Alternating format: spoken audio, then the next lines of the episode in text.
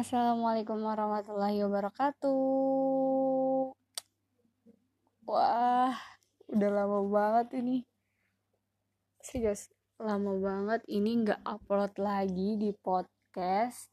Akhir aku upload itu tanggal 18 Mei. Dan sekarang udah tanggal 5 Juni dong. Udah mau se sebulan kan?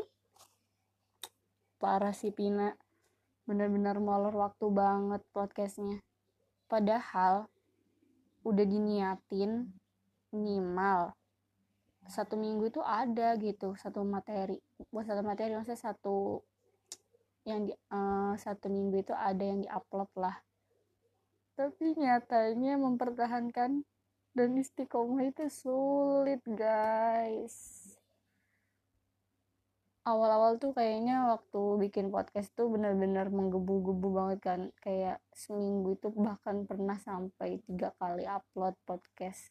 Itu lagi semangat banget baru pas buat gitu kan.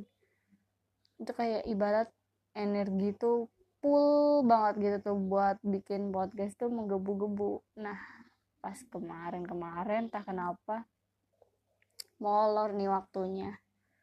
Parah sih. Yang harusnya seminggu sekali jadi gitu deh. Yang harusnya seminggu sekali boro-boro seminggu sekali. Udah sekarang udah mulai waktu sebulan. Maafkan aku ya teman-teman. Oh iya teman-teman. Gimana nih kabarnya? Semoga teman-teman sehat selalu ya. Semoga hatinya tetap sehat pikirannya tetap sehat terus diberikan kesabaran diberikan uh, apa ya diberikan kekuatan-kekuatan gitu dalam menjalani dikaliku dalam menjalani masalah hidup dalam menjalani kerikil-kerikil kehidupan. Karena untuk berada di posisi sekarang tuh sebenarnya kita bakalan ini sih rentan banget buat jadi stres. Serius. Coba deh bayangin ya. Aku aku kalau aku sih ya sebenarnya tipe yang ya nggak gimana gimana sih nggak keluar juga. Karena aku emang tipe orang yang rumahan gitu. Senengnya di rumah aja. Kalau nggak nggak ada apa-apa nggak ada perlu apa gitu aku nggak keluar. Maksudnya kayak bukan anak keluar banget gitu tuh intinya. Terus juga bukan anak organisasi banget gitu kan. Jadi benar-benar emang anak rumahan banget lah. Jadi dengan keadaan kayak gini tuh aku nggak nggak nggak stres itu gitu karena udah biasa.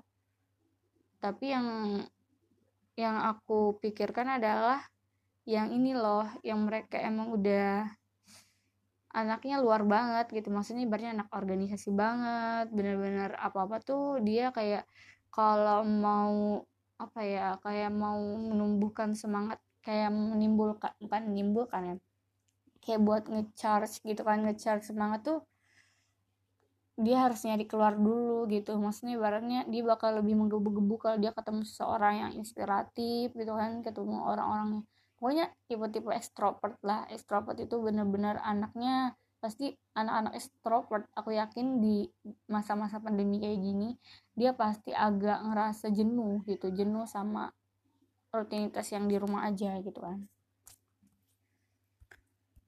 Hmm. sebenarnya uh, pembahasan kali ini tuh pembahasan pina banget. Maksudnya apa pembahasan anak anak uh, 20 tahunan. Tentang khawatiran masa depan, tentang segala macam apa ya rasa-rasa lah nano-nano pokoknya. Uh, kalian ngerasa gak sih di umur 20 tahunan ini kalian makin ngerasa bahwa hidup tuh bukan cuma buat hahaha semata aja gitu. Karena ngerasa kayak kita udah nggak pantas lagi buat gitu-gitu lagi. Ya nggak sih? Mulai dari nyari temen baik yang real itu susahnya minta ampun. Sekalinya ada kadang hilang-hilangan kalaupun ada datang cuma pas ada pas butuh hmm, ditambah kita kalau lagi kesusahan kayak nggak ada apa ya ibaratnya nggak ada teman sama sekali yang bisa nyelesain masalah kita. Terus perasaan-perasaan yang mengganggu pikiran dan hari-hari itu ada juga. Kecemasan-kecemasan akan masa depan akan jadi seperti apa? Dan masalah-masalah lainnya lah. Satu yang aku ngerasa bahwa di 20 tahunan ini aku nggak apa ya kayak nggak pantas buat hahaha lagi tuh tentang kematian sih. Kayak kita tuh udah hidup nih 20 tahun di bumi udah apa aja yang kita lakuin? Udah sebermanfaat apa kita? Udah berapa jaka, udah berapa sedekah yang kita keluarkan udah seberapa stabil kita memenda, uh, mengatur ego kita? Sudah seberapa empati kita menolong orang, orang lain? Menolong orang lain? Kayaknya itu jadi cambukan buat saya. Karena bagaimanapun juga orang menganggap bahwa umur 20 tahun ya bukan umur yang anak SMP lagi gitu loh. Bahkan mau disetarain sama anak SMA juga udah enggak.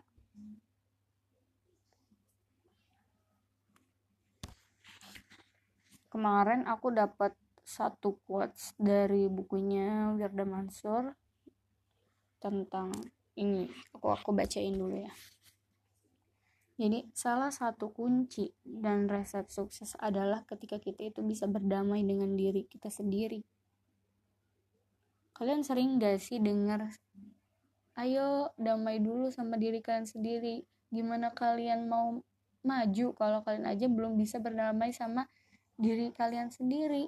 Kalian sering gak sih kata-kata kayak gitu? Aku pun awalnya bingung maksudnya berdamai sama diri sendiri itu apa? Kita selek sama diri kita sendiri gitu. Bingung deh pokoknya maksudnya apa gitu kan. Sampai akhirnya kayak nyari tahu maksudnya berdamai sama diri sendiri gitu. Maksudnya apa gitu kan. Pas uh, aku cari tahu aku cari tahu tentang berdamai dengan diri sendiri ternyata oh jadi berdamai sama diri sendiri itu tentang masalah masalah kita yang belum tuntas. Dan itu masih kita simpan dalam ibaratnya apa ya gini kalau bahasa ininya tuh kalau kita belum berdamai sama diri sendiri itu artinya kita belum belum berdamai sama hati kita alias kita masih punya penyakit hati aku sih ngerti ini mm, mengartikannya seperti itu ya. Karena kalau sebenarnya ya kalau kita masih kalau kita masih punya penyakit hati tuh emang benar-benar menghambat banget sih. Pokoknya segala hal yang di depan baik menurut orang-orang kadang jadi ketutup gitu semua jadi hitam karena kita udah punya penyakit hati itu gitu. Serem gak sih? Jadi gimana ya? Kadang nih teman kita tuh nggak salah apa-apa loh misalkan dia pakai baju bagus gitu kan. Tapi kok kita kayak ngegerenek nggak suka gitu. Melihat dia pakai pakaian bagus gitu.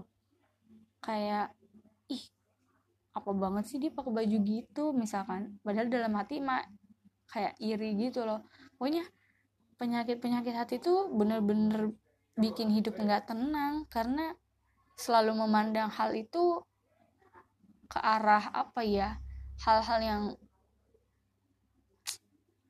ibaratnya egoisnya tinggi. Coba deh kalian eh, apa ya bertanya-tanya lagi sama diri kalian sendiri. Apa kalian udah berdamai sama diri kalian sendiri apakah kalian sudah memaafkan tentang masalah-masalah di masa lalu?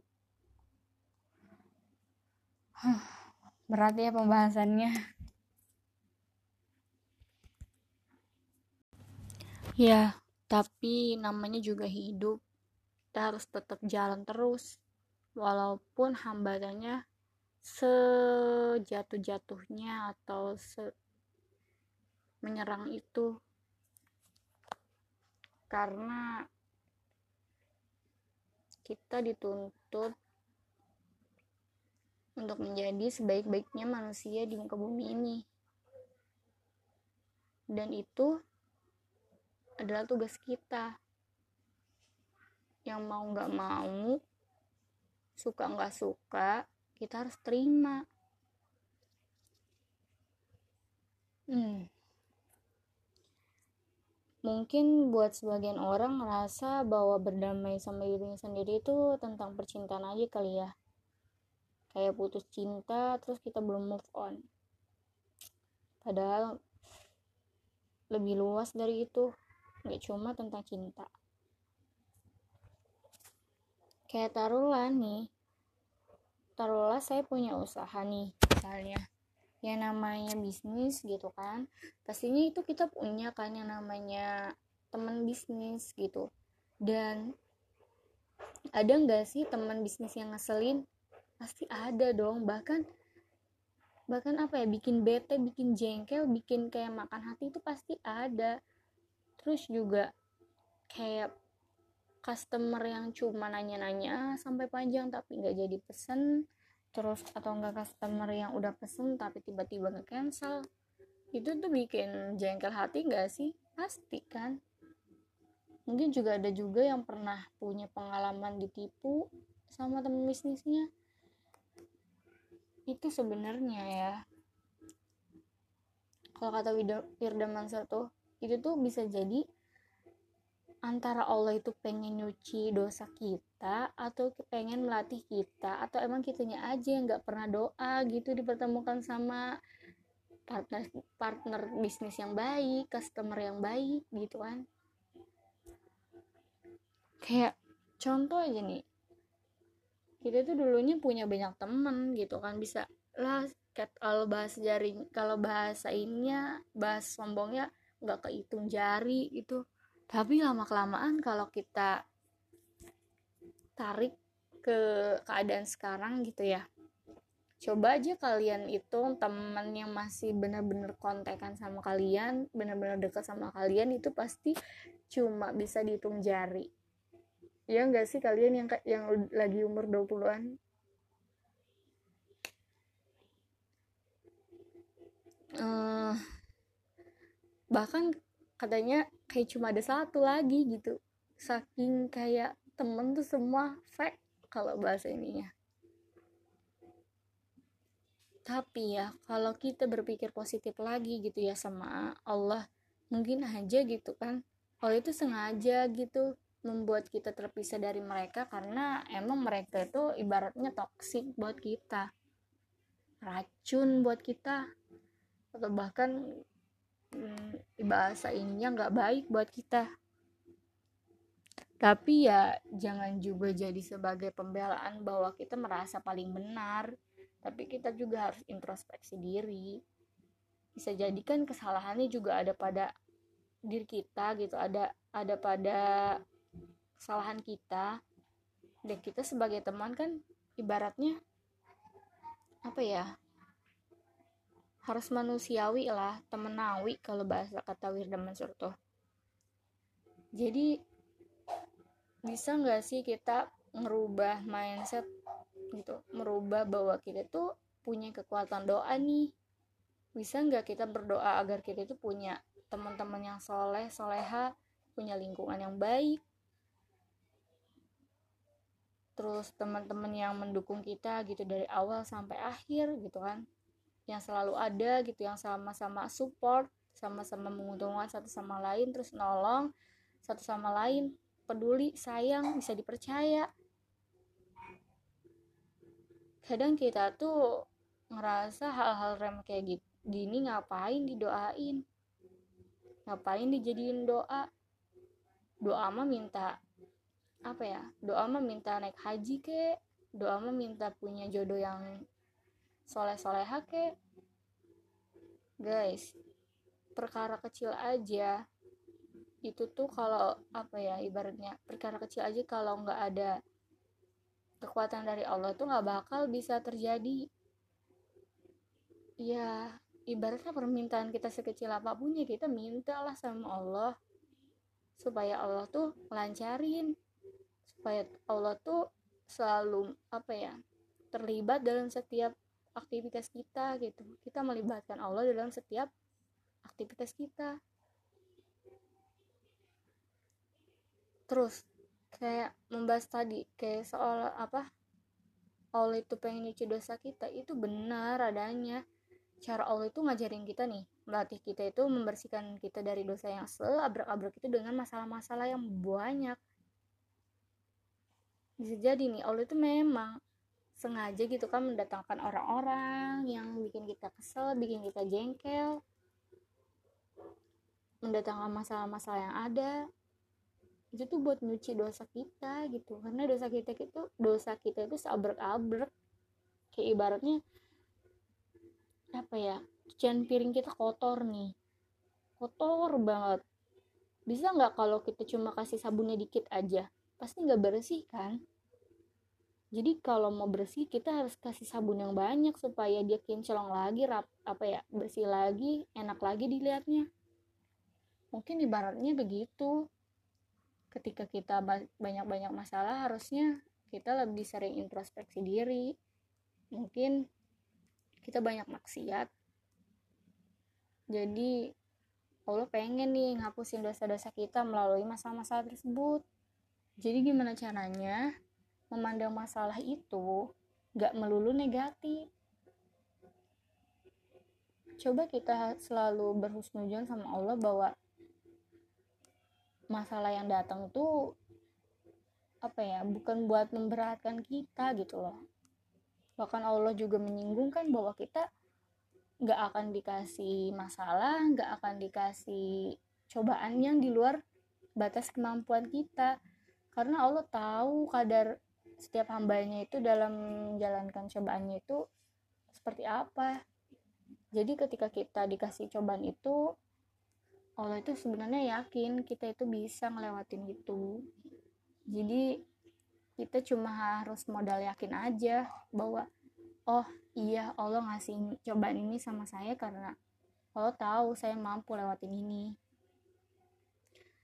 Dan kenapa gitu ya? Insya Allah kan dengan sebab kesabarannya kita gitu ya kemampuan kita memaafkan mereka nih mereka yang bikin kita jengkel mereka yang bikin kita pokoknya nggak enak hati itu tuh apa ya akan membawa ibaratnya akan membawa kita ke surga bukan hanya surga gitu kan melainkan juga dapat ampunannya Allah. Seperti ini ada dalam salah satu hadis favorit Rasulullah Shallallahu Alaihi Wasallam bersabda Allah berkata kepada hambanya angkatlah pandanganmu lihat surga itu maka hamba itu pun mengangkat pandangannya dia pun berkata Duhai Rob, saya melihat istana-istana terbuat dari emas. Saya melihat istana-istana berlapis mutiara. Itu untuk nabi yang manakah ya Rob? Terus Allah menjawab, untuk orang jujur, untuk syuhada, orang yang sahid, yang mana ya Rob? Allah berfirman, itu semua diberikan kepada orang yang sudah membayar harganya. Hamba itu berkata, siapa yang sudah membayar harganya? Allah berkata, kamu juga sudah membayarnya. Hamba itu berkata, dengan apa aku membayarnya? Allah berkata, dengan kamu memaafkan saudaramu. Masya Allah nggak sih dari hadis ini tuh dengan kita maafin orang orang yang buat kita jengkel ataupun itu itu tuh balasannya masya Allah banget. Sampai ngerasa iya iya pantesan Nabi tuh nggak pernah gitu kalau misalkan di ejek sama orang-orang kafir nggak pernah kayak berontak kan kalau kita tuh ibaratnya kalau kita ya sebagai manusia biasa kalau misalkan kita diejek atau gimana gitu kan pasti kita jengkel kan pengen dibalas lagi.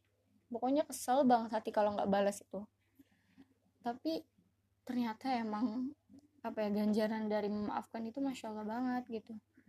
Betapa memaafkan itu sebenarnya berat gitu ya. Tapi lihat gitu ganjarannya lihat apa yang insya Allah akan kita dapatkan bila kita memaafkan. Jadi apalah itu gengsi gitu kan. Kita kita beli apa ya kita uh, apalah itu gengsi bila kita itu apa ya dapat hadiah dari memaafkan itu gitu bahkan uh, istana di surganya gitu. Waktu itu nggak ada gunanya juga nggak maafin. Maksudnya yang ada kita itu jadi ikut kotor hatinya jadi dengki kan jadi marah jadi galau didendam ya yaudah gitu maafin. Dengan memaafin dengan memaafkan kita itu kan akan mendapatkan ketenangan juga. Jadi kita ngerasa nggak ada musuh gitu loh terus juga buat yang punya salah gitu kan dan belum minta maaf ya segera gitu kita minta maaf kepada siapa yang pernah kita sakitin hatinya perasaannya terutama orang tua kita yang setiap hari sama kita. Karena itu tadi dengan memaafkan itu kita bakal dapat ketenangan jiwa.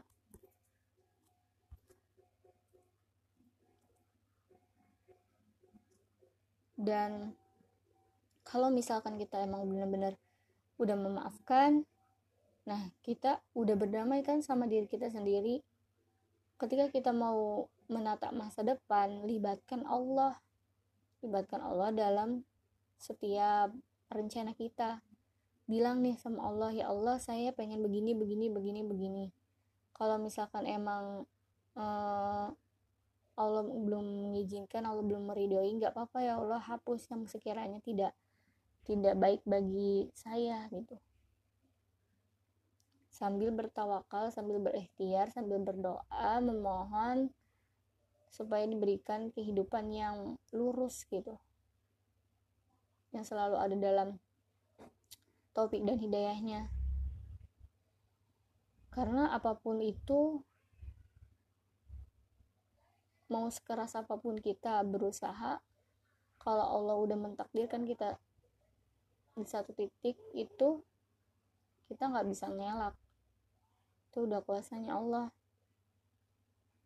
Tapi kita bisa berusaha berusaha semaksimal mungkin. Karena Allah menyuruh kita untuk nggak jadi orang yang malas terus satu lagi tentang teman abadi. Sebenarnya nggak ada teman yang abadi karena kita semua juga nggak abadi di dunia ini yang abadi itu hanya Allah Allah ada di saat kita butuh ataupun enggak Allah ada di saat kita sehat maupun sakit Allah ada di saat kita bahagia maupun sedih. Allah ada di saat kita susah dan senang. Bahkan Allah ada di saat kita nggak bisa ataupun bisa. Allah ada di saat kita terlemah sekalipun atau kuat sekalipun.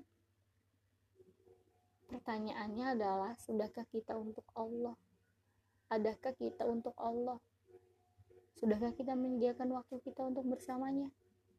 itu yang harus menjadi pertanyaan untuk kita sendiri yang harus kita muhasabah lagi tentang mensyukuri nikmatnya tentang menjadi hamba yang bersyukur atas apa yang Allah kasih. Karena tanda syukur seorang hamba itu nggak menjalankan maksiat. Kalau kita masih menjalankan maksiat itu harus dipertanyakan bentuk syukurnya sama Allah. Ini juga jadi apa ya sebenarnya podcast tuh podcast tuh jadi pengingat saya. Dan saya lebih luas aja ngomong di podcast. Karena di podcast gak ada yang bisa komen atau like atau gimana. Jadi saya bebas mau ngomong apa pun yang saya bisa. Tapi bukan ngomong seenaknya ya. Jadi menurut saya kalau misalkan podcast ini harus didengar banyak orang saya sih berharap begitu. Cuman saya bukan berharap popularitas. Saya hanya berharap podcast ini ditemukan dengan jodohnya masing-masing. Maksudnya pendengarnya yang emang benar-benar putus sama ini. Dan terlebih lagi udah nggak nggak udah nggak mandang berapa like berapa pendengar. Bisa bisa didengarkan oleh satu orang dan dia merasakan manfaatnya juga aku udah senang banget intinya di dua, di umur 20 ini adalah masa-masa peralihan dari kita remaja ke dewasa. Wajar kalau kita ngerasa masih labil-labil karena emang kita sedang membentuk proses diri sebagai orang yang dewasa. Jadi harap dimaklum aja ya kalau misalkan para anak 20-an ini masih labilnya minta ampun karena emang mereka sedang membentuk apa ya membentuk pribadi dewasa gitu peralihan dari remaja ke dewasa. Tetap semangat teman-teman. Uh, di Syawal ini jadikanlah kita apa ya, sebagai bukti kita bahwa kita tuh nggak cuma semangat di Ramadan yang Ramadannya one day one juice. Semoga tetap lanjut sampai sekarang one day one juice yang tahajudnya rajin semoga tetap rajin di syawal ini. Jangan lupa juga puasa sawal 6 hari loh lumayan. Dan itu sama aja kayak puasa satu tahun kalau kita full Ramadan dan 6 syawal 6 hari syawal ini. Sampai ketemu di podcast selanjutnya maaf banget kalau pembahasan kali ini random. Karena pengen pengen aja gitu nyampein ini supaya kita nggak lagi bergantung sama bergantung banget sama apa-apa yang ada di dunia.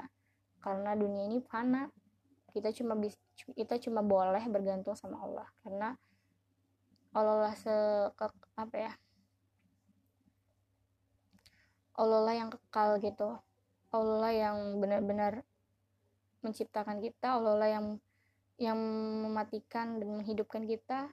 Dan kita itu ada berada di tangan Allah gitu jadi hidup dan mati kita itu kita kan dari Allah nih.